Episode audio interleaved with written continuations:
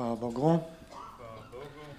Dobrze być z Wami znowu po krótkiej przerwie, po krótkich feriach. Serdecznie pozdrawiam Was tutaj zgromadzonych, wszystkich, którzy są po tej drugiej stronie ekranu. Mam nadzieję, że dobrze zapamiętaliście pieśni, które były śpiewane podczas uwielbienia na rozpoczęcie, e, ponieważ jak się okaże na końcu, mam nadzieję, to będzie streszczenie tego, o czym chciałbym dzisiaj mówić. Dokładnie nawet słowa, nawet historie, nawet przykłady i postawy, które były zaprezentowane w tych pieśniach, mam nadzieję też będą dzisiaj wyczytane z Bożego Słowa. E, Na początek chciałbym krótkie wprowadzenie. Będziemy dzisiaj czytali z drugiej Księgi Królewskiej, z rozdziału trzeciego. E, Żeby nie musieć czytać całego rozdziału, a nie wyjmować tylko fragmentów, które będę przytaczał z kontekstu, to chciałbym Wam naświetlić krótkie takie tło e, hi, historyczne okoliczności, wokół których to wydarzenie się dzieje. Otóż Umiera Achab, mamy dwa królestwa nadal. To jest to królestwo e, Izraela północne, które stanowi 10 e, pokoleń. Jest e, królestwo judzkie, które stanowi dwa pokolenia. I są Edomici. Oni tutaj będą odgrywali pewną rolę. Edomici to są kuzyni Izraelitów, pochodzą od Ezawa, o ile się nie mylę. Królestwo i Moab był lennikiem króla izraelskiego. E, po śmierci Ahaba Moab postanowił się zbuntować. Stwierdził, że ma dosyć tego lenna, nie będzie już podwładnym króla Izraela, więc postanowił się zbuntować.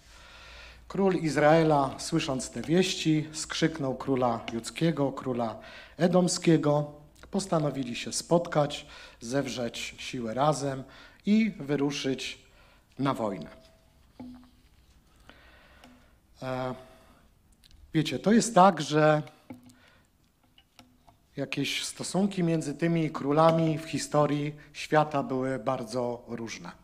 Czasami były jakieś konflikty, animozje, e, czasami ta współpraca pomiędzy nimi nie wyglądała najlepiej. Ale kiedy pojawia się wspólny wróg, kiedy pojawia się taka sytuacja, okoliczność, myślę, że my Polacy doskonale to wiemy, że możemy się różnić, wadzić między sobą, ale kiedy pojawia się zagrożenie, kiedy pojawia się jakiś wspólny wróg, to potrafimy się zjednoczyć, stanąć ramię w ramię, tak, po to, żeby się z tym wrogiem rozprawić. Teraz wchodzimy w czytanie. Zaczniemy od wersetu dziewiątego. Z drugiej Księgi Królewskiej, rozdział trzeci, od wersetu dziewiątego.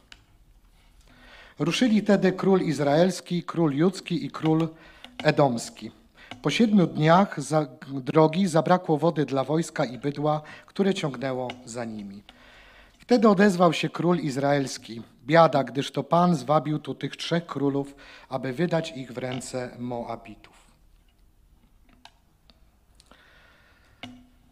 A Przygotowując się do tego zwiastowania, sięgnąłem do map. Zobaczyłem, jak wyglądała sytuacja, jak były to wielkie obszary, i ewidentnie tutaj widzimy w tym fragmencie, że przygotowując się na tą wy, wyprawę, o tym mówi jedenasty, y, przepraszam, y, o tym mówi, y, o tym będą mówiły kolejne wersety. W, wers, w wersecie, przepraszam, ósmym mamy e, informację o tym, że uderzą na Moab, y, kierując się poprzez pustynię edomską. Wiecie, sprawdziłem sobie na mapie, ta pustynia edomska, a jest informacja, że szli przez 7 dni, nie jest to aż tak wielki obszar. Nie jest to tak wielki obszar, który by e, stanowił o to, czy wymagał od tych e, ludzi, którzy wyruszyli na walkę, żeby szli tam 7 dni. Nie dawało mi to spokoju, patrząc na odległość, która dzieli e, te wojska od miejsca, w którym mają uderzyć. E, nie dawało mi to spokoju i z odpowiedzią na całe szczęście przyszły inne e, przekazy Bożego Słowa, które rozwiały tutaj moją wątpliwość, doprecyzowały pewną bardzo ważną, istotną kwestię. Otóż werset dziewiąty w innych przekładach mówi tak oto. A tak, na przykład Biblia Gdańska. A tak wyciągnął król izraelski i król judzki i król edomski, gdy, a gdy krążyli siedem dni, nie dostało wody wojsku ani bydło, które szło z nimi. W tysiąclatce ten sam werset e, czytamy przetłumaczony w taki oto sposób. Zatem wyruszyli w drogę król izraelski, król judzki i król Edomu. Kiedy zaś krążyli po drogach siedem dni, zabrakło wody dla wojska i dla bydła. Inny przekład jeszcze mówi: Ciągnęli wtedy król izraelski, król judzki, król edomski i krążyli drogą siedem dni, a nie było wody dla wojska, dla bydląt, które szły za nimi. Czytamy tutaj, że szli siedem dni. Ale jak szli? Zauważyliście to? Oni krążyli. Oni kręcili się wokół.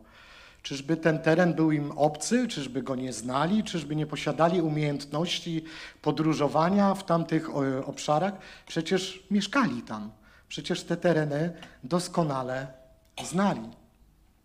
Oni krążyli. Jak długo krążyli? Aż zabrakło życia, aż zabrakło wody.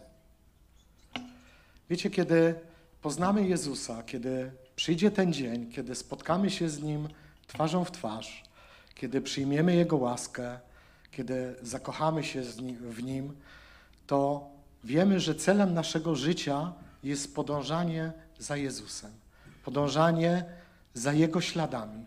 On jest celem naszego życia. Celem naszego życia jest upodobnianie się do Niego, bycie takim jak On.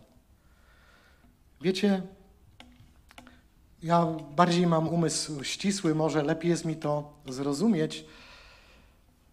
Kiedy e, myślałem sobie o tym, o tej prostej drodze, która powinna być takim wyznacznikiem dla osoby wierzącej, którą powinien podążać w swoim życiu, to sięgnąłem po definicję z fizyki, po definicję ruchu prostoliniowego. Tych ruchów jest kilka różnych, ja wziąłem tą najprostszą, ruch prostolinijny jednostajny. Wiecie, ciekawe tej definicji, żeby was nie zanudzić, żebyście nie pospadali z krzeseł, jest to, że aby ten ruch się odbywał w linii prostej, to na ciało, które się porusza po linii prostej, nie powinna oddziaływać żadna inna siła z zewnątrz. Tak?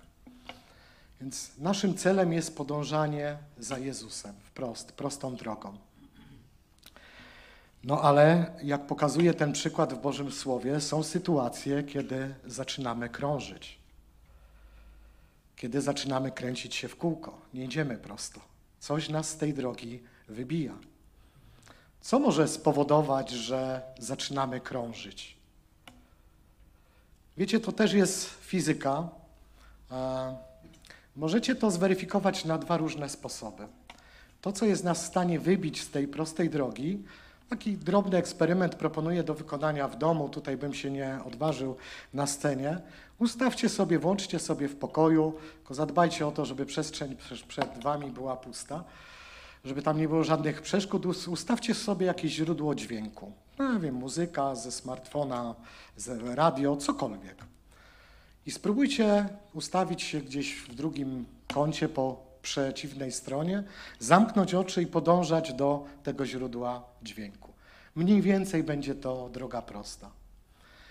Ale spróbujcie wykonać tą samą czynność, również mając zamknięte oczy, ale niech wasza głowa będzie odwrócona do tyłu, tak jakbyście chcieli zobaczyć, czy ktoś za wami nie stoi. Zaręczam wam, że pójście po linii prostej będzie prawie niemożliwe. Powiedział to Jezus w Bożym Słowie, kiedy mówił o tym, że nie jest mnie godzien ten, który ogląda się za siebie. Nie jest godzien, aby pójść za mną, ten, który ogląda się za siebie. Wiecie, to podążanie za Jezusem, ta droga po prostej linii, to też jest z fizyki. Ja przepraszam, nie miałem za bardzo czas się przygotować, więc przygotowałem bardzo prosty przyrząd mierniczy. To jest cukierek na sznurku. E, cukierek jest do wzięcia później. E, wiecie, Janusz, no dobrze, chyba, że jakieś dziecko się znajdzie.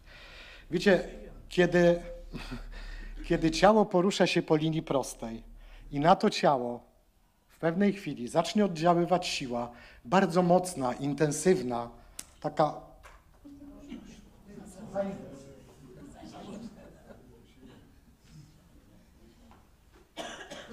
Energia mi rozpiera, czekajcie. To powrót na tą linię prostą również zajmie mało czasu. Ten powrót z tego kręgu do linii prostej zajmie mało czasu. Ale jeżeli zaczniemy się poruszać i te rzeczy, które będą nas odsuwały od tego ruchu taki bardzo powolny, delikatny sposób, takie wiecie, małe rzeczy, które powodują, że zaczynamy krążyć coraz szybciej, coraz szybciej, coraz szybciej, aż ta siła powoduje, że nie możemy ruszyć się z miejsca i zacząć podążać do przodu. Diabeł też tą zasadę, te prawdy fizyki, te prawdy, które Bóg ustanowił na świecie, on je również też zna. Dlatego będzie nam podsuwał małe rzeczy, drobne rzeczy. O Boże, tak Cię kocham, nabożeństwo jest dzisiaj, a dzisiaj startuje Liga Mistrzów. Obejrzę sobie mecz. W niedzielę to też będzie dobry czas, żeby przyjść.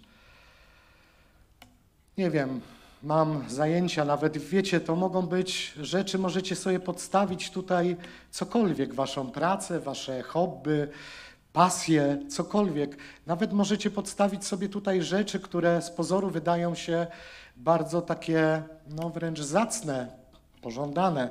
To może być nawet miłość do innej osoby, ale taka miłość, wiecie, ukierunkowana tylko na nią, która nie widzi nic poza tą osobą. To będą drobne rzeczy, które będzie podsuwał diabeł po to, żeby nas z tej prostej drogi, z prostej drogi wytrącić. Wiecie, ta historia pokazuje, jak niesamowicie łatwo jest zacząć krążyć. Jak niesamowicie jest łatwo poddać się takiej sytuacji, która zacznie mnie od Jezusa i od Jego głosu odwodzić. Wiecie, podążanie za Jezusem, droga za Jezusem wymaga od nas codziennej koncentracji, codziennego skupienia. To są piękne chwile, kiedy jest czas uwielbienia, kiedy dzieją się wielkie wydarzenia, kiedy śpiewamy na chwałę Bogu. To są emocje, które wzbudzają się w naszych sercach i wiecie, to jest wspaniałe. To jest bardzo dobre, to jest bardzo budujące, to jest na pewno bardzo chwalebne również dla Boga. Ale przychodzi nasza codzienność, nasze zmagania z sytuacjami, które rozpoczną się już jutro rano, rozpoczną się po wyjściu z tego miejsca. Nie traćmy tej koncentracji, nie traćmy tego skupienia na drodze. Bądźmy wyczuleni, skupmy się na tym, aby słyszeć, co mówi do nas Jezus i podążać tą prostą drogą za Nim. Wiecie, ta historia, to krążenie po pustyni, to jest też niesamowita prawda, którą możemy przyjąć do naszego życia. Jak przekonamy się za chwileczkę, będziemy czytać dalej. Nawet jeżeli ci wojownicy wyruszyli na wojnę i zaczęli krążyć, to wspaniałe jest to, że Bóg jest wielki. Bóg się nie obraża. Nawet jeżeli ty, droga siostro, drogi bracie, zacząłeś gdzieś w swoim życiu krążyć, była jakaś mała rzecz, upadek, pomyłka, działanie na przekór. Nie mówię o świadomym trwaniu w grzechu. Mam nadzieję, że tutaj mamy poznanie i jasność, czym się to różni. A jeżeli zatraciłeś gdzieś ten głos na chwilę, twój wzrok odwrócił się i zszedłeś tej prostej drogi, to pamiętaj, że Bóg, bez względu na to, na jak suchej pustyni jesteś, w jak ciemnym zakamarku swojego życia się znajdujesz, Bóg obiecał, że On cię nie zostawi, nie opuści, bez względu na to, co się będzie działo. Nie ma takiej siły, która by spowodowała, że Bóg z Was i ze mnie zrezygnuje. Bez względu na to, co się działo, Bóg jest i Bóg będzie czekał. Nawet jeżeli krążysz, to przyjdzie ten moment, kiedy Twój wzrok i wzrok Boga znowu się spotkają i usłyszysz Jego głos. Będziesz mógł wołać do Niego o pomoc. Jak długo szli? Tak długo szli, aż zabrakło wody. Oby to nasze krążenie w życiu, te czasowe pomyłki, te nasze potknięcia nie trwały na tyle długo, że nam zabraknie życia, aby zatoczyć ten krąg, a nasz wzrok znowu mógł się spotkać z Bogiem. Czyli nie możemy sobie pozwolić, zwłaszcza w tych czasach, na jakiekolwiek zmiany w tym kursie. Werset jedenasty. Druga Księga Królewska, dalej jesteśmy w trzecim rozdziale, werset jedenasty. Lecz Jehoszafat odpowiedział, czy nie mamy tutaj proroka Pana, abyśmy przez niego zapytali o wyrocznie? Wtedy odezwał się jeden ze sług króla izraelskiego i rzekł, jest tutaj Elizeusz, syn Szafata, który posługiwał Eliaszowi. Na to powiedział Jehoszafat. Prawdziwie jest nim słowo Pana. Wystąpił tedy do niego król izraelski, Jehoszafat i król Edomu. Znacie takie powiedzenie jak trwoga to do Boga? Często jest tak, że gdzieś nawet ludzie bardzo zawzięci, bardzo tacy przekorni, twierdzący całe życie, że Boga nie ma, to wszystko to jest bójda. Nawet tacy ludzie gdzieś w sytuacji, kiedy nie widzą wyjścia dla siebie, nie widzą ratunku, nie widzą pomocy, często w sytuacji, kiedy widmo śmierci zajrzy w ich oczy, wyrwie im się z piersi, Boże ratuj, Boże ratuj. Wiecie, wspaniałe jest to, że nawet w takich sytuacjach Bóg się nie obraża.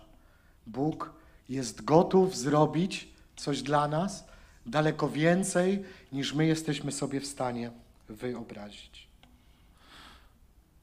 Nie wiem, czy przypominacie sobie od czasów Jozułego, kiedy wojska izraelskie wyruszały gdzieś na wojnę, miały w zwyczaju pytać o wyrocznie Pana, o słowo Pana. Miały w zwyczaju pytać Boga, czy wyruszając na tą wojnę, Bóg im będzie błogosławił. Czy Bóg będzie z nimi, czy Bóg im w tej walce poszczęści. Wiecie, ja w tym fragmencie nie odnajduję tego elementu. Zastanawiam się, dlaczego go tutaj zabrakło. Być może ci królowie trzej e, doszli do wniosku, że to właściwie jest problem taki błahy, no z Moabem dadzą sobie radę. Nie wiem, być może doszli do wniosku, że mają na tyle ekipę silną, że spokojnie nie potrzebują tutaj ingerencji Boga, doskonale sami sobie poradzą tymi siłami, które mają. Być może uznali, że to nie jest sprawa warta tego, żeby zawracać głowę Bogu, żeby w ogóle go pytać o tą sprawę. Wiecie, kiedy tak patrzę na swoje życie i na świadectwo tego, jak czasami mnie zdarza się postąpić, to widzę, że jest dziesiątki, jeżeli nie setki sytuacji, w których próbujemy Boga wyłączać, wyłączać z pewnych dziedzin naszego życia, z pewnych problemów, mówiąc sobie, Boże, my sobie tutaj poradzimy. Boże, to ból w kostce nie jest aż tak wielki, po co się od razu o to modlić, damy sobie radę.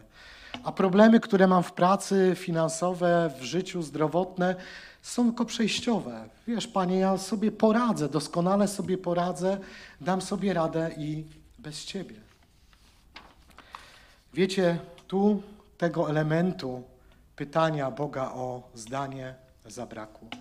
A Bóg chce być jak nasz ojciec, jak nasza matka, która usiądzie z nami po południu wieczorem i zapyta Córko, synu, co się dzisiaj wydarzyło w Twoim życiu? Co się wydarzyło w szkole?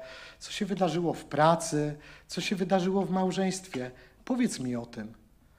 Bóg nie tylko oczekuje bycia z nami w tych, wiecie, podniosłych chwilach, wielkich wydarzeniach, któremu, którym towarzyszą jakieś emocje, jakieś fajerwerki, że tak to nazwę. Bóg chce być z nami w tej szarej, zwykłej codzienności, w tych naszych zmaganiach, bo jest naszym Ojcem. Dla Niego nie ma spraw zbyt błahych, nad którymi nie będzie się chciał pochylić. Dla Niego nie ma spraw zbyt mało ważnych, o których nie będzie chciał słuchać. On się nie obraża. Wiecie, nawet w tej sytuacji, na tej pustyni, kiedy Izraelici dopiero po fakcie zorientowali się, jaki popełnili błąd, nawet w tej sytuacji wiedzieli, co zrobić. Zawołali do Boga. I uwaga. Punkt kulminacyjny, jeden z dwóch, za chwileczkę będzie jeszcze lepszy. Uwaga, królowie wezwali e, Elizeusza, to był e, uczeń e, Eliasza.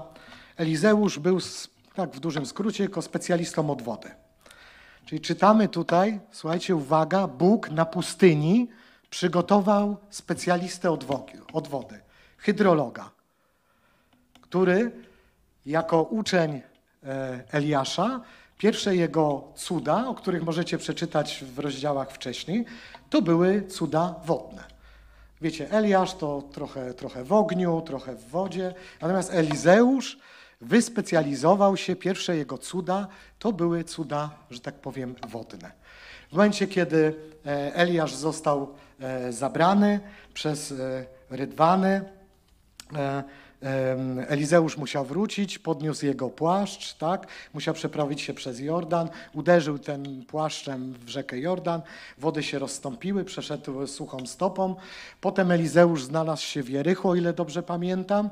Tam okazało się, że woda jest zatruta, e, szkodzi ludziom, ludzie e, chorują, e, umierają nawet, tak? Więc Elizeusz zajął się również tą wodą. I uwaga, na pustyni kiedy zabrakło wody, Bóg daje specjalistę od cudów wodnych, Elizeusza. I uwaga, Elizeusz będzie pytał e, Pana o wskazówkę, o słowo. Ale zanim to zrobi, uwaga, Elizeusz w 15 wersecie mówi takie oto słowa. Teraz jednak sprowadźcie mi lutniste. Gdy zaś lutnista zagrał, spoczęła na nim moc Pana. Sprowadźcie mi lutniste. Ciekawe.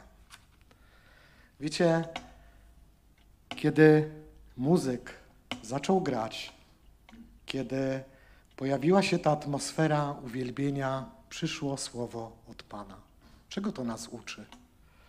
Jeżeli, bracie, siostro, chcesz usłyszeć od Pana, musisz być w atmosferze uwielbienia dla Boga.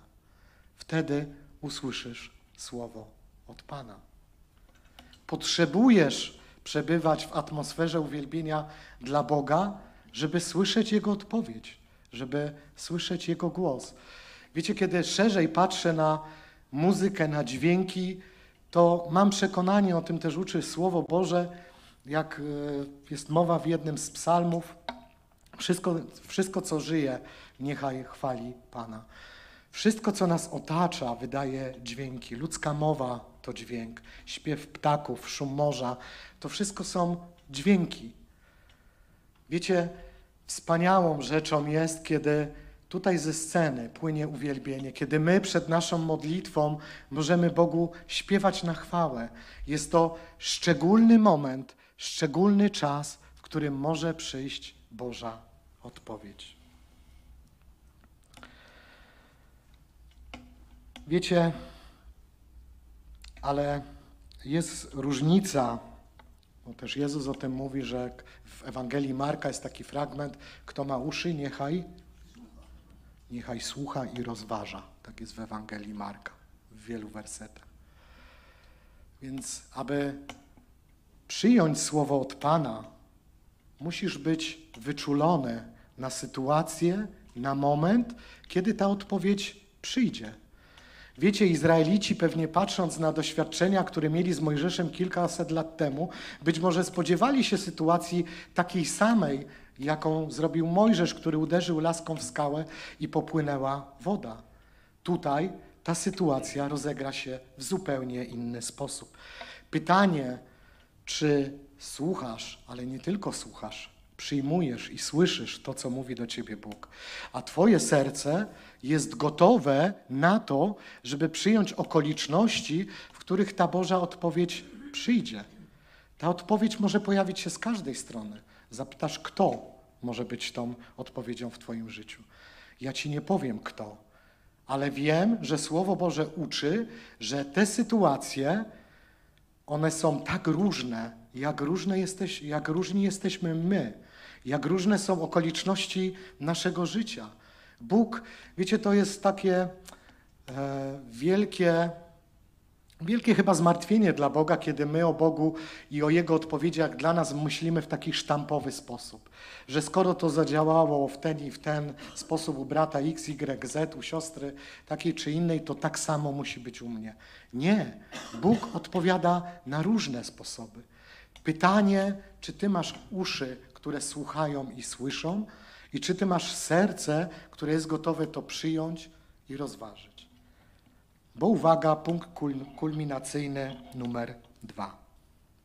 Więc przychodzi atmosfera uwielbienia, pojawia się muzyka, spoczywa na Elizeuszu moc Pana i pojawia się słowo. Uwaga, uwaga. W wersecie 16 czytamy takie oto słowa. Potem rzekł: Tak mówi Pan: Wykopcie w tej dolinie rów przy rowie. Halo. Elizeuszu, jesteśmy na pustyni, człowieku. Siedem dni krążymy w koło, bez wody. Jesteśmy już na wyczerpaniu, zmęczeni. Jakie rowy? Jakie rowy? O co ci chodzi? Tak, rowy. Taka odpowiedź przychodzi od Pana. Rowy. Im szersze, tym lepsze. Im głębsze, tym lepsze. Im więcej, tym lepiej. Rowy. Boże, rowy. Te okoliczności, w jaki sposób Bóg odpowiada, one bywają bardzo różne. To kopanie rowów będzie miało swoje uzasadnienie. To jest element przygotowania, zaplanowania pewnych rzeczy, który odegra tutaj kluczową rolę. Jeżeli ta sytuacja wydaje Wam się dziwna, to przypomnijcie sobie z Bożego Słowa, że są sytuacje, które wymagały przygotowania. Tak? Mo możemy tu przytoczyć chociażby zamianę wody w wino, kiedy Jezus mówi: Przygotujcie mi stągwie. Tak? Dopiero jak przynieśli stągwie, napełnili je wodą, przygotowali to, to Jezus zamienił wodę w wino. Pamiętacie historię wdowy, która przez długi była zmuszona niemalże do sprzedaży jako nie, niewolników swoich synów? Tak? Co jej mówi prorok? Nazbieraj ile dasz rady, przygotuj ile możesz pustych naczyń. I błogosławieństwo, ta oliwa wylewała się tak długo, jak Wiele tych naczyń było pustych, aż zapełniły się wszystkie. Zapełniły się w obfitości. Tak, rowy, wykopcie rowy.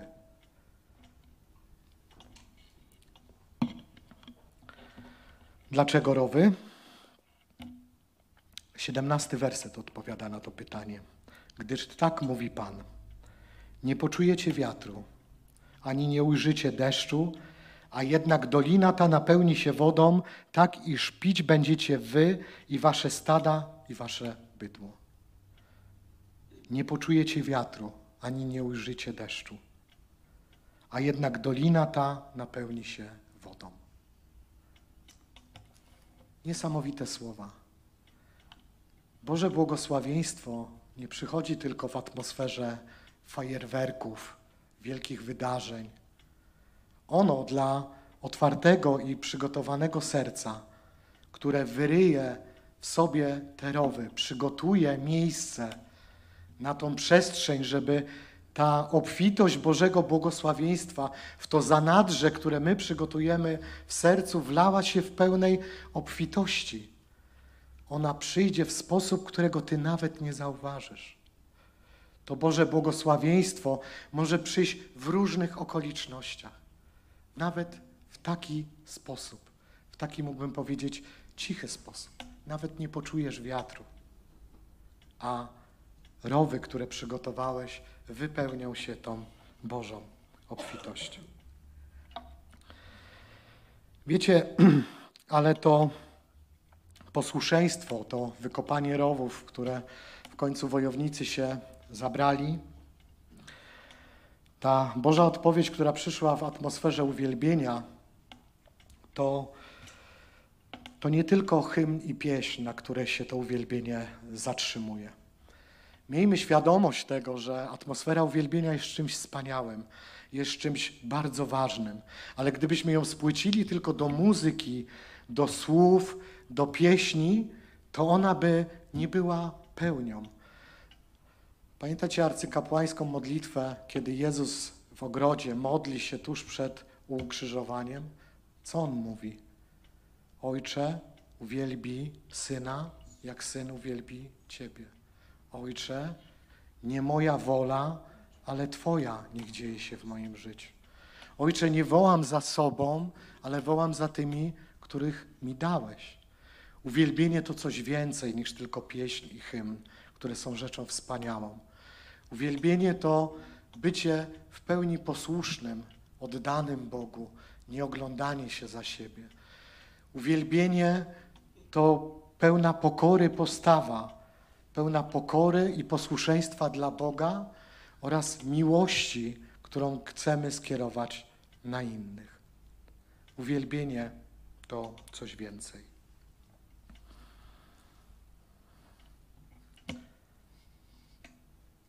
Wiecie,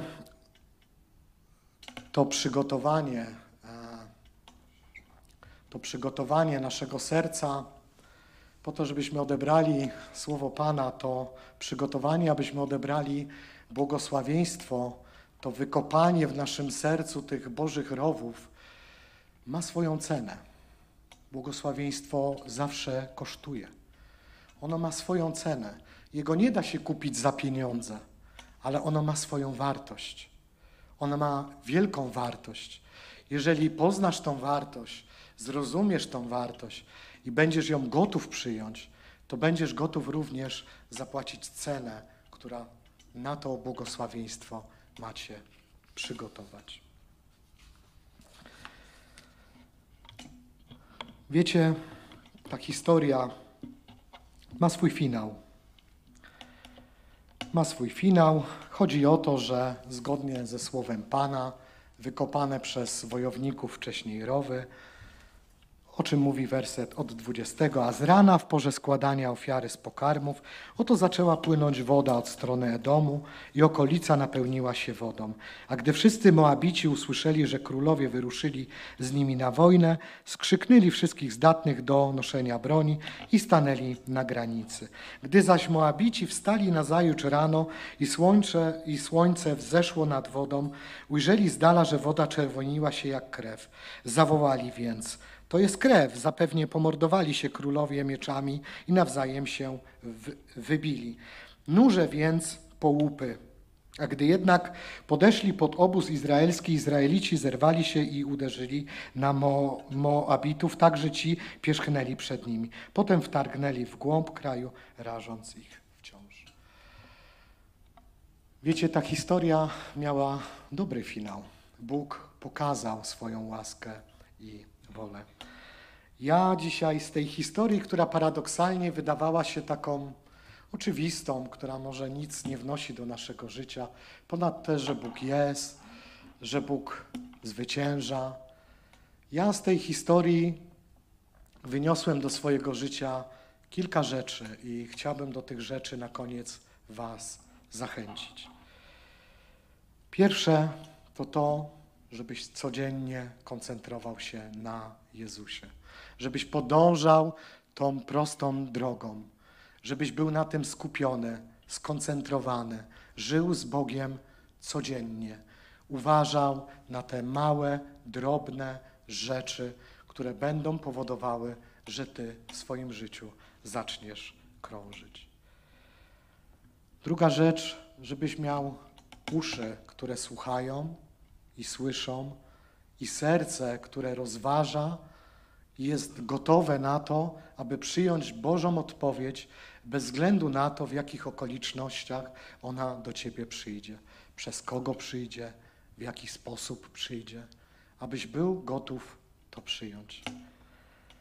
I trzecia sprawa, abyś każdego dnia prosił Boga o pomoc, o błogosławieństwo, abyś prosił Boga o to, żeby pokazywał Ci te obszary Twojego życia, które wymagają przekopania jeszcze rowów, aby Boże błogosławieństwo w obfitości mogło wlać się w Twoje serce, a jak obiecuje Słowo Boże, nasze serca powinny się stać źródłem i rzeką wody żywej, po to, abyś mógł tej obfitości udzielać również innym na zewnątrz, z myślą o innych.